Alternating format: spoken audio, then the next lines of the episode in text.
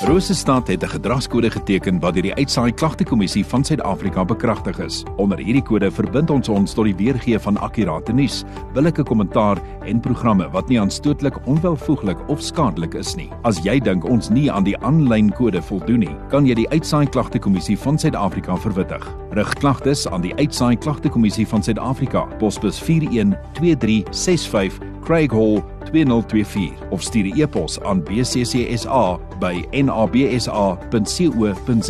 Vir verdere inligting, besoek www.bccsa.co.za.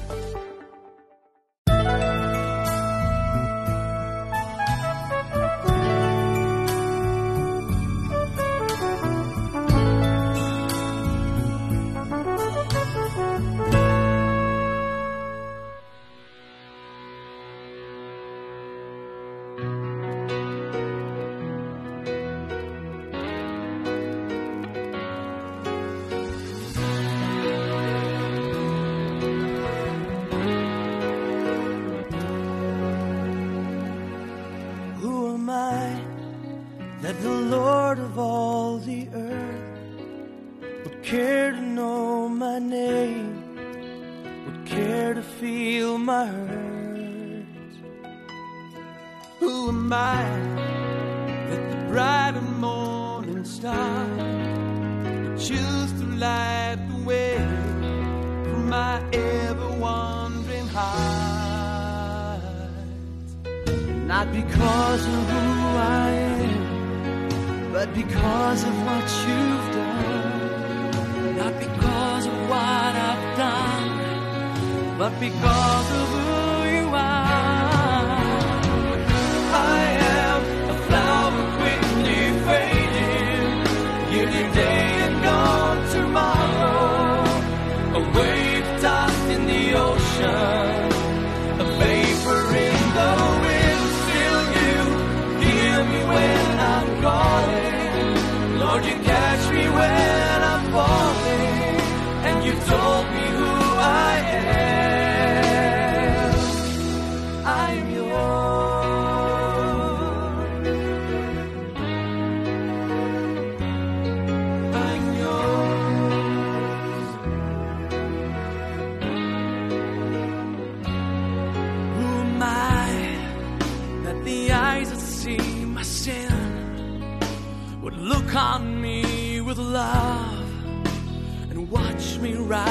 again? Oh, who that the voice that calmed the sea would call out to the rain and calm the storm in me? Not because of who I am, but because of what you've done. Not because of what I've done, but because of who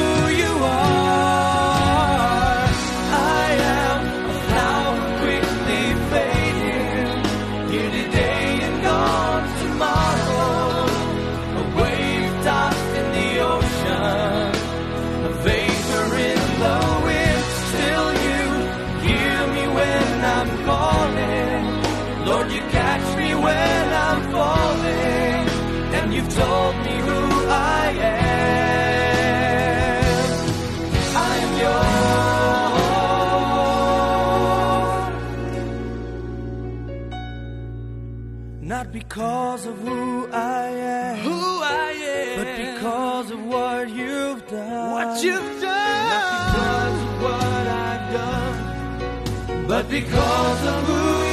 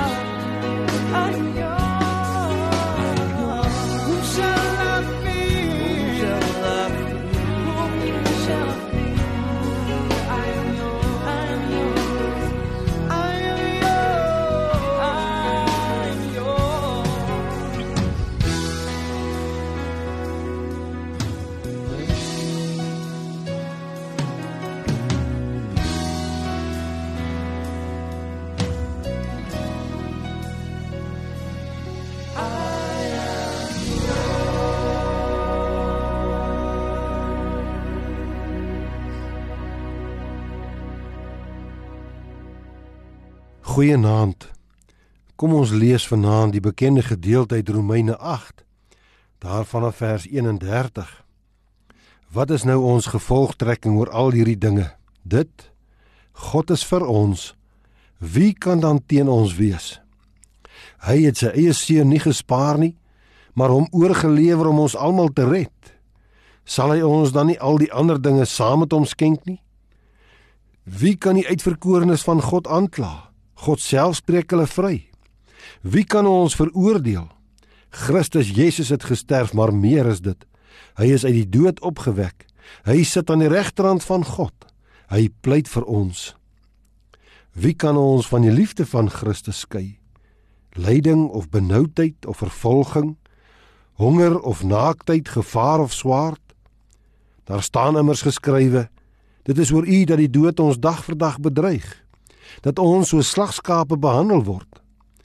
Maar in al hierdie dinge is ons meer as oorwinnaars deur hom wat vir ons liefhet. Hiervan is ek oortuig.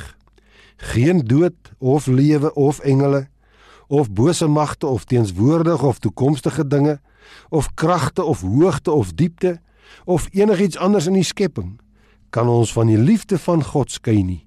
Die liefde wat daar is in Christus Jesus ons Here. Liewe luisteraar, hierdie brief van Paulus is sonder twyfel 'n hoogtepunt in al sy briewe.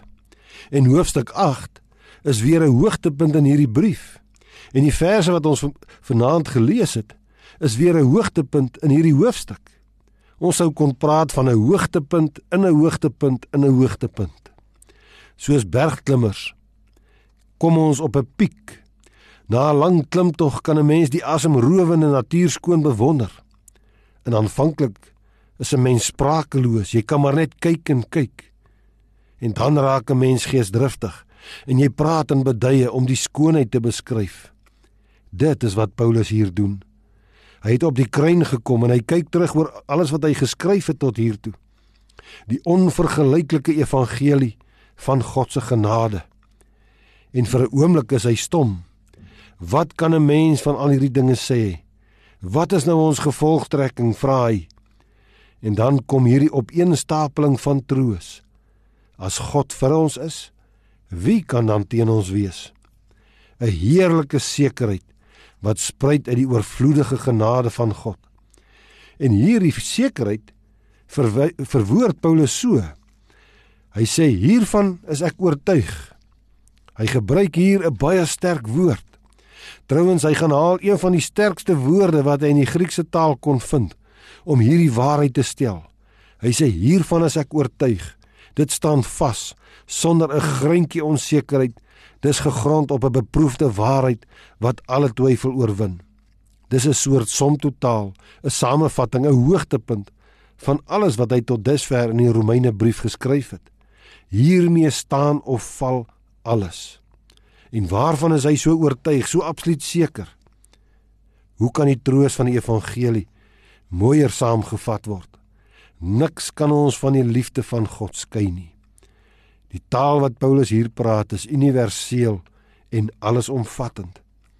In vers 35 gebruik hy terme wat kenmerkend is van die eindtyd. Hy praat van lyding, benoudheid, vervolging, honger, naaktheid, gevaar en swaard.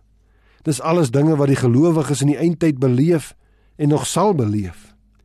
Christus het self gesê: "Julle sal die remoer, remoer van oorloë en die gerugte van oorloë hoor. Die een nasie sal teen die ander te staan kom en die een koninkryk teen die ander. Daar sal op baie plekke hongersnood en aardbewings wees." En so skryf Paulus dit ook aan Timoteus. In die laaste dae sê hy sal daar swaar tye kom.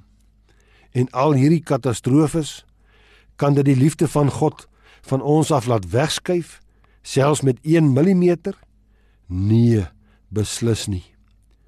In vers 38 stapel hy 10 magte, die een na die ander op. Hy sê dood wat 'n vyand was, maar in Christus Jesus dit nie meer is nie.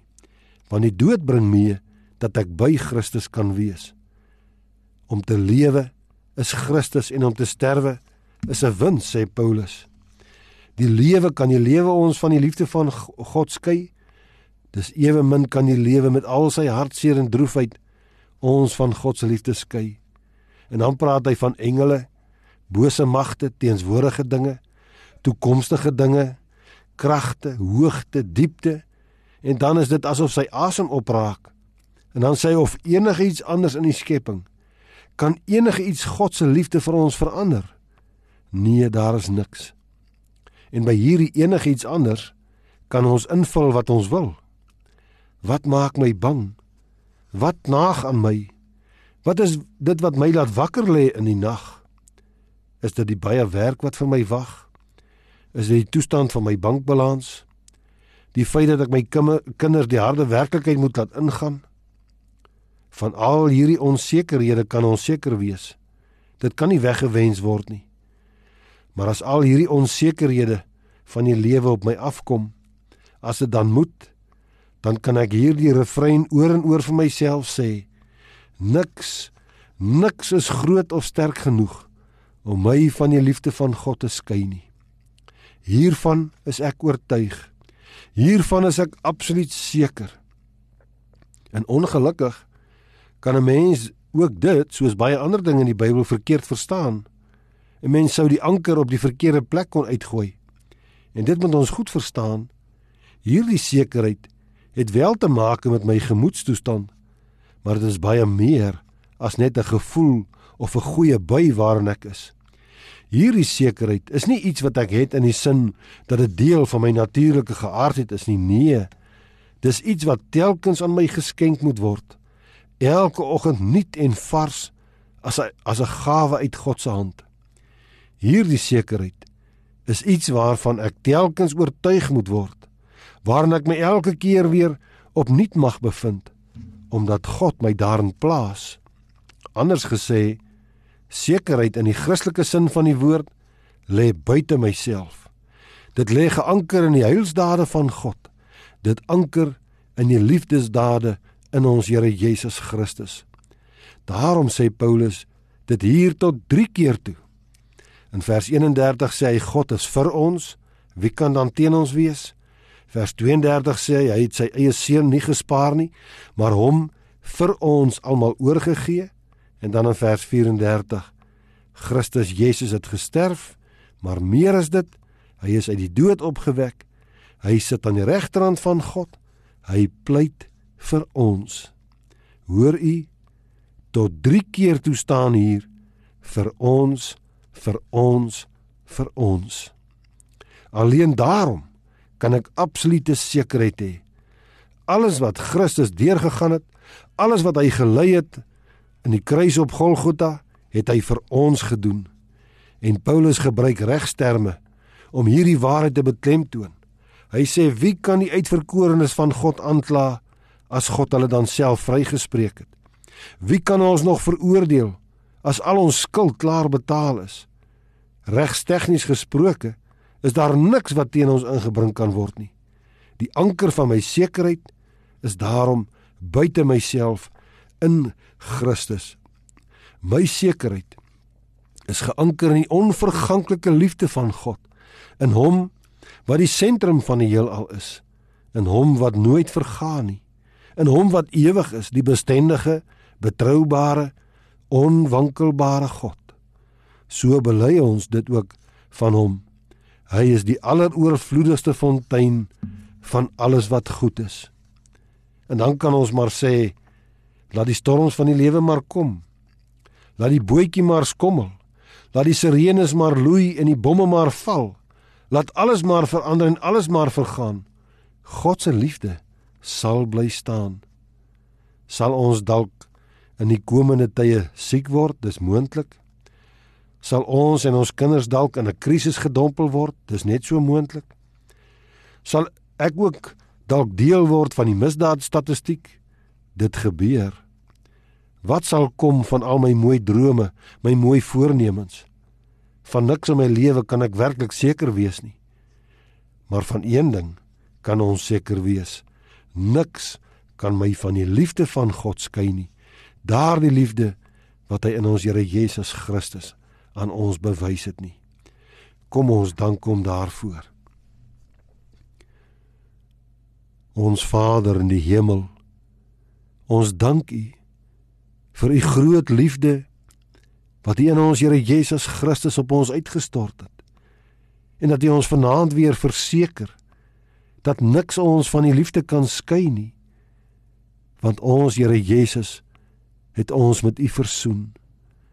Vader, en daardie liefde van u gaan ver bo ons verstand as ons sal dit nooit kan deurgrond nie. Maar ons dank u daarvoor. Help ons ook om elke dag hierdie liefde uit te leef teenoor almal wat u oor ons pad bring. Dit bid ons in die naam van ons Here Jesus Christus. Amen.